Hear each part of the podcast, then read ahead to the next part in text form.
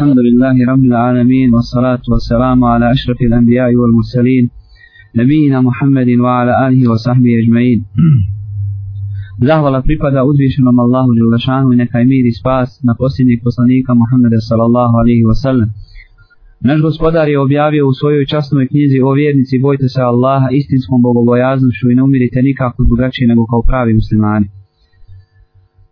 Uvažena i cijenjena braćo, koji sjedite ovdje i vi koji slušate putem Paltalka. Prvo, na, naše prvo predavanje posvećeno je jednom jako bitnom pravilu koje se koristi u svim oblastima islamskog prava.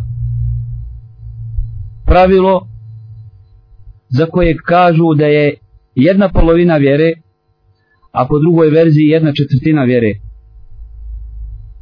pravilo dakle koje, koju, koje ima izuzetnu važnost.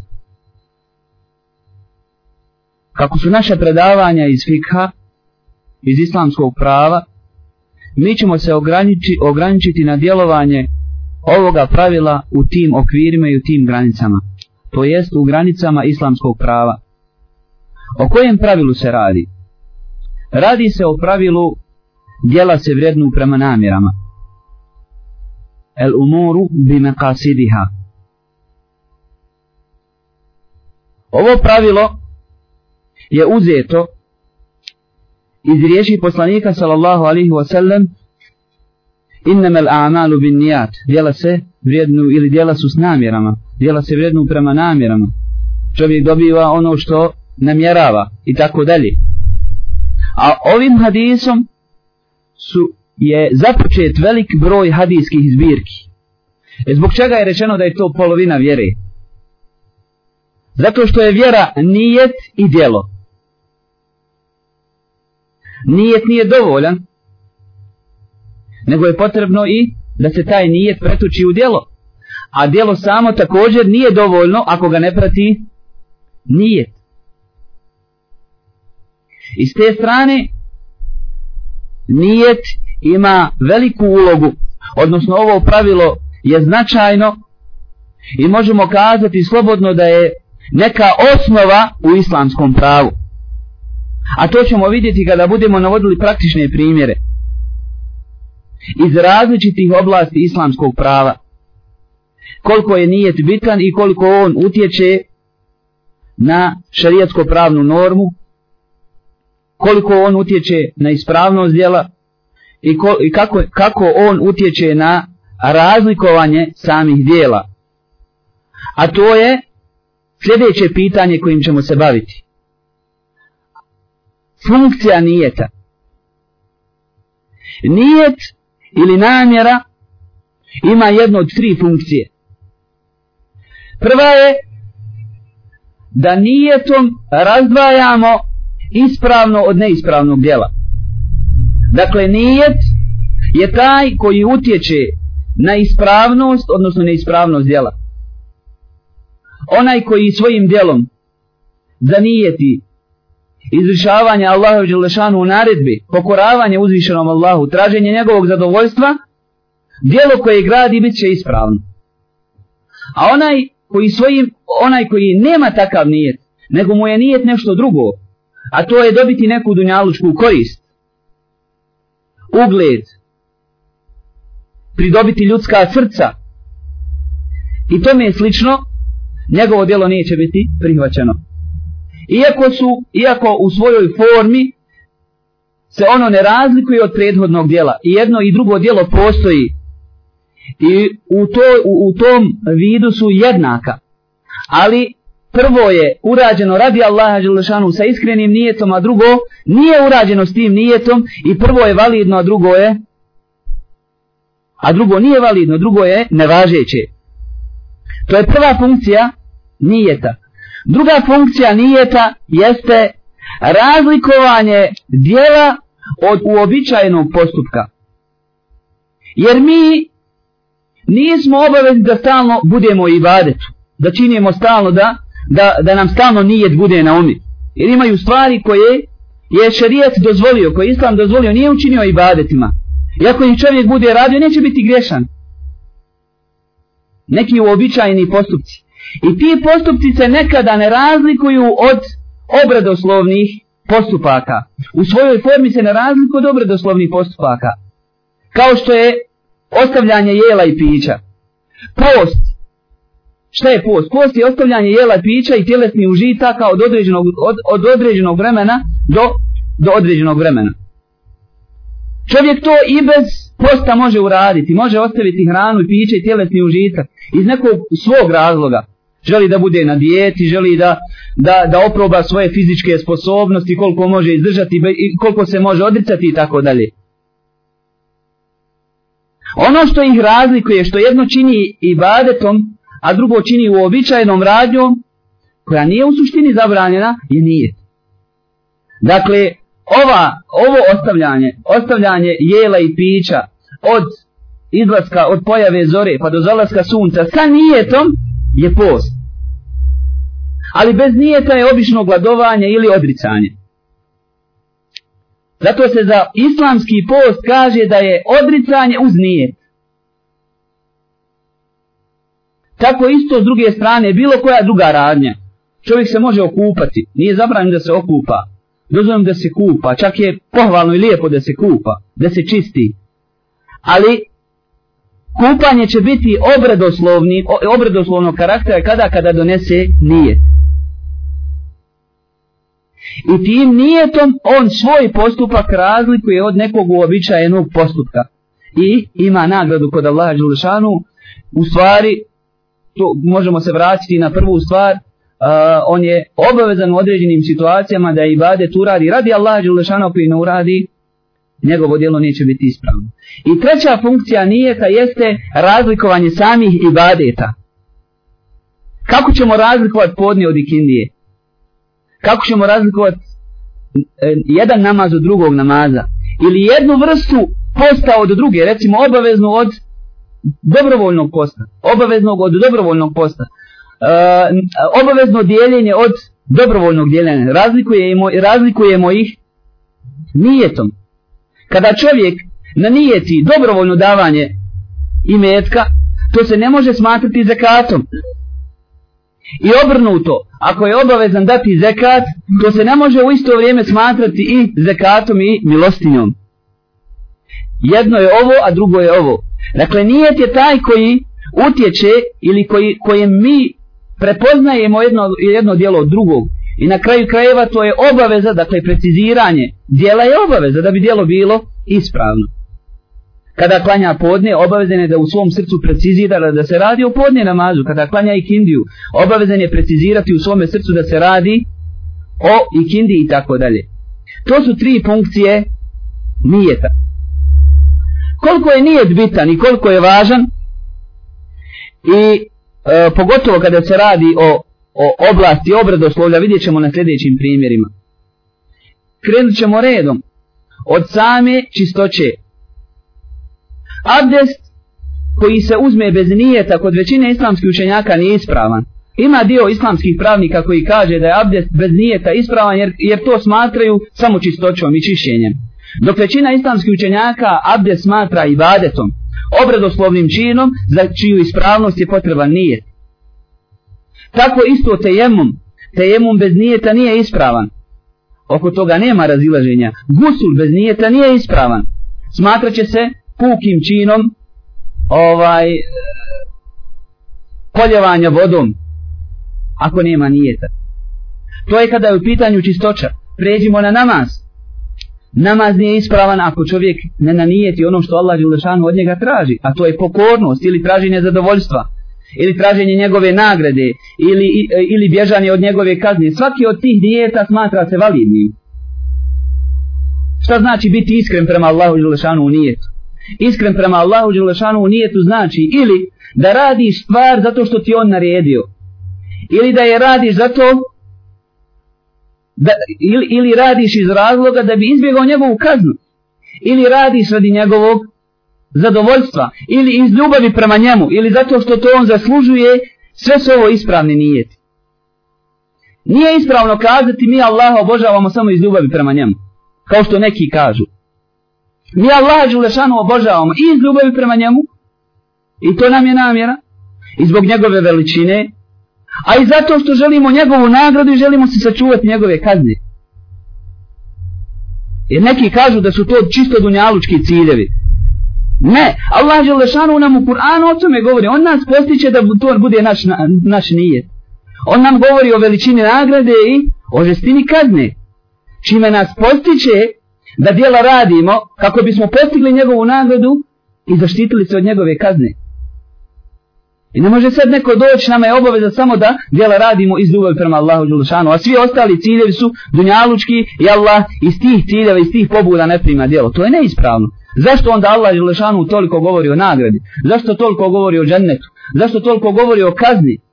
Zašto poslanik sallallahu alaihi sallam u, na, u velikom broju hadisa govori o nagradi, govori o kazni? Da bi nas postakao da radimo radi te nagrade, A isto tako da bismo bježali od kazne koju Allah Želešanu pripremi onima koji, koji mu se budu suprostavili i ostavili ono što on od njih traži.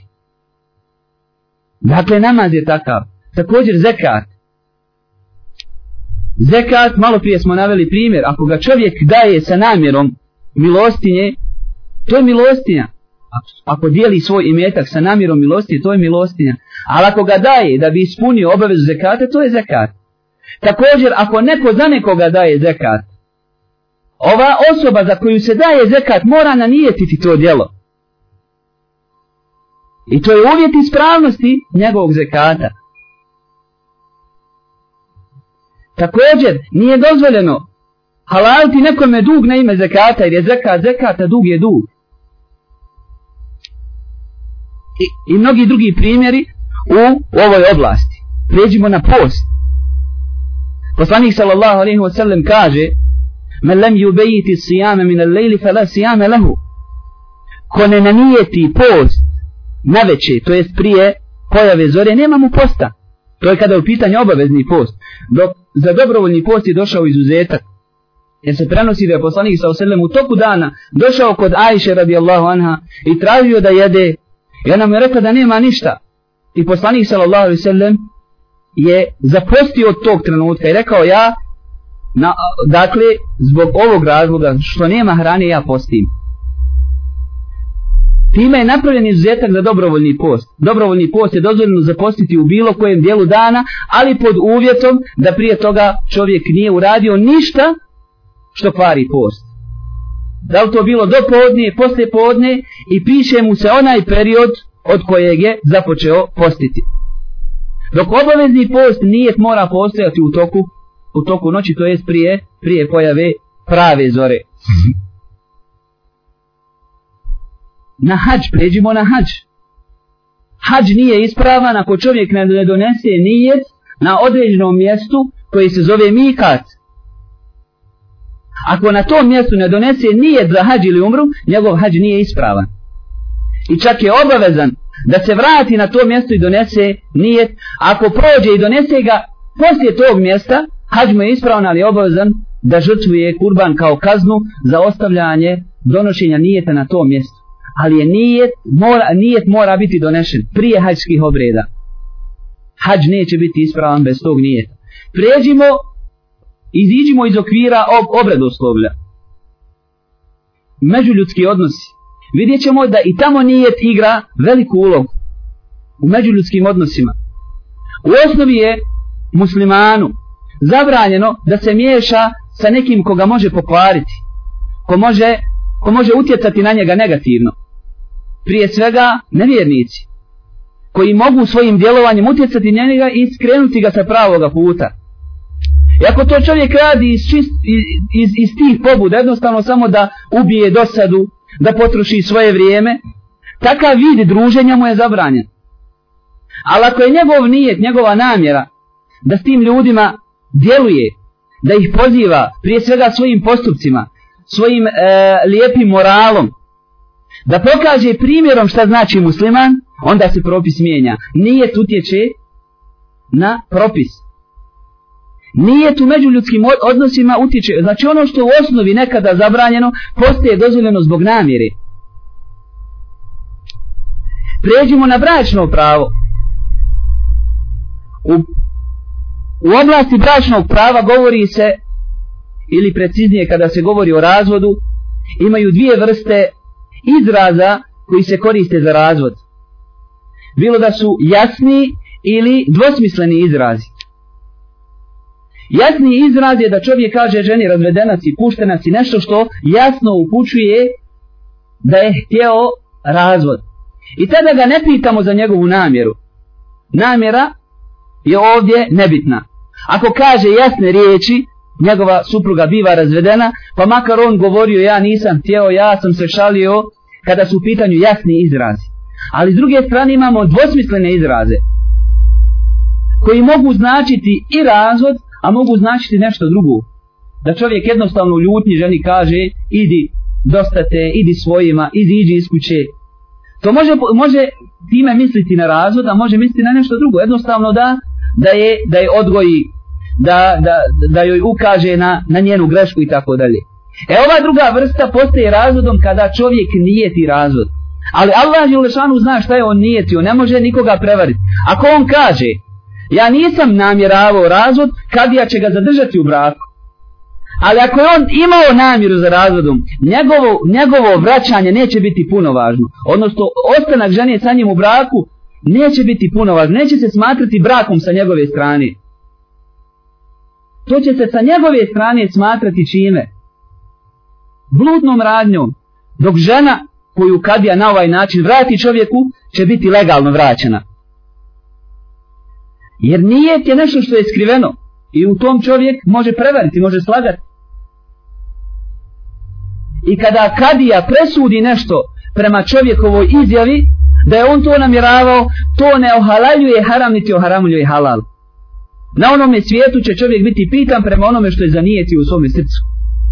Ali je nama na ovome svijetu naređeno da postupamo shodno ljudskim izjavama. Ti kažeš da je tako dobro, ostaje onaj svijet, Allah zna šta si ti mislio, šta si htio, šta je u tvome srcu. Dakle, nije igra, vidimo, odlučujuću ulogu i u oblasti bračnog prava. Pređemo, idemo dalje, u oblasti poslovanja. U oblasti poslovanja, poznato vam je da postoji nešto što, što Islam strogo zabranjuje, kao što je kamata. A postoji određene stvari koje je Islam dozvolio, odnosno određeni načini investiranja i razmjene dobara koje je Islam dozvolio. Nekada nema razlike između tih, između tih ovaj, e, vrsta poslovanja osim u namjeri. Šta je kamata? Kamata je davanje određene vrijednosti, uzimanje veće vrijednosti od te nakon određenog vremena ili odgađanje jedne od strana prilikom razmjene imetka. Dakle, da dvije strane razmjenjuju imetak, jedna od tih dviju strana odgađa. Ako se radi o novcu, zlatu, srebru i ovaj sličnim, sličnim predmetima koji mogu da budu predmetom kamati. U kreditu imamo, taka, imamo takav ovaj, baš, baš, baš tu formu imamo. U kreditu jedna strana daje, a druga kasnije vraća. Dakle, radi se o razmini imetka u kojem jedna strana odgađa isplatu. I to je u svojoj vanjskoj formi, nema razlike između toga i kamate. Ali je Islam prvo zabranio, drugo dozvolio zato što je cilj kredita dobročinstvo. Da se ljudima učini dobročinstvo. Da se čovjek koristi da nakon određenog vremena vrati.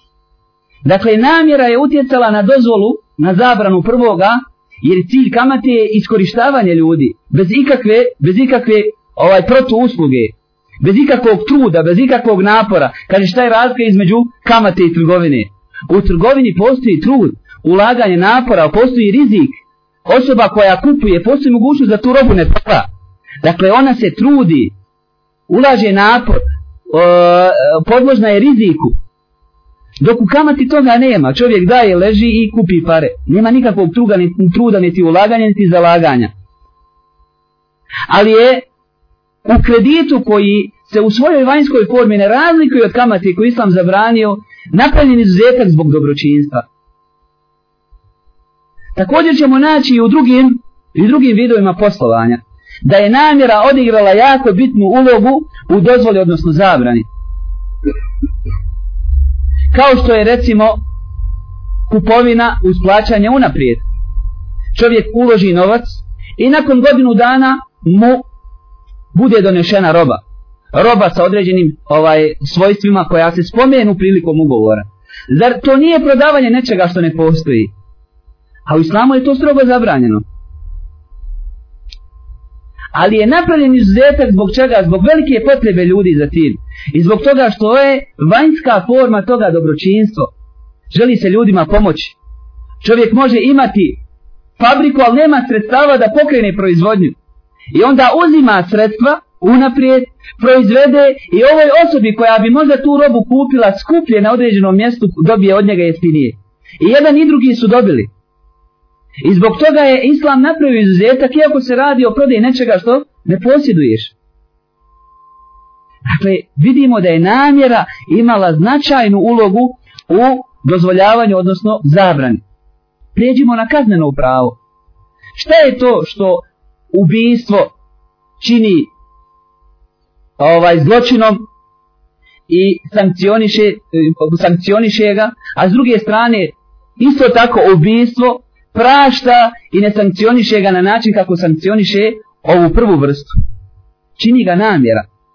Osoba želi nekoga da ubije, namjerno ga ubije, to je zločin i to za sobom povlači sankciju. S druge strane, osoba nije htjela da ubije, gađala je nešto lijevo pa je pogodila osobu čiji je život zaštićen. To se smatra nelotišnim, nenamjernim ubijestvom. U ovom slučaju se sankcioniše ubijestvom, a u drugom slučaju se ne sankcioniše ubijestvom. Zašto? Zato što mu namjera nije bila da ubije, a kod ovog prvog je bila namjera da ubije. I ovo prvo se tretira namjernim ubijestvom, a drugo se tretira nenamjernim ubijestvom. Šta je to što je napravilo razliku između njih? Namjera. Dakle, namjera ima velik utjecaj i veliku ulogu u svim oblastima islamskog prava. Vidi da smo prošli od obredoslovlja, kroz bračno pravo, međuljudske odnose, poslovanje, kazneno pravo, vidimo da nije tu svim tim oblastima igra igra bitnu ulogu i značajnu ulogu koju ili, ili određuje suštinu ili vrstu propisa koju želimo da damo za određenu stvar ili pojavu ili postupak. Kada je u pitanju nijet, izuzetak se pravi za dvije vrste postupaka, u kojima nije potreban nijet. I ako čovjek ih uradi, njegovo dijelo ispravno bez nijeta. Prva vrsta su ostavljanje. Dakle, ono, ostavljanje onoga što je zabranjeno. Jer to, se, to je vid, vid postupka koji se u šarijetu tretira postupkom. Da ostaviš nešto što je Islam zabranio. Tu je dozvoljeno da čovjek ostavi, ne mora nijeti ako ostavi alkohol, ne mora nijetiti time nagradu kod Allaha Đelešanu, neće biti odgovoran. Ali ako time tome doda nije da to radi, radi Allaha Đelešanu, ne radi toga što mu to šteti zdravlju, imaće nagradu. Ali samim ostavljanjem on prestaje biti grešan i neće biti sankcionisan na onome svijetu. I druga vrsta postupaka to su obavezni postupci mimo ibadeta, mimo obradoslovnih ovaj, e, mimo ob, obradoslovnih či, e, ovih postupaka. Ti postupci su, recimo, vraćanje duga, to je obaveza. Izdržavanje porodice, to je obaveza. Njih je dovoljno učiniti da bi bili ispravni, nije, nije potreban nije.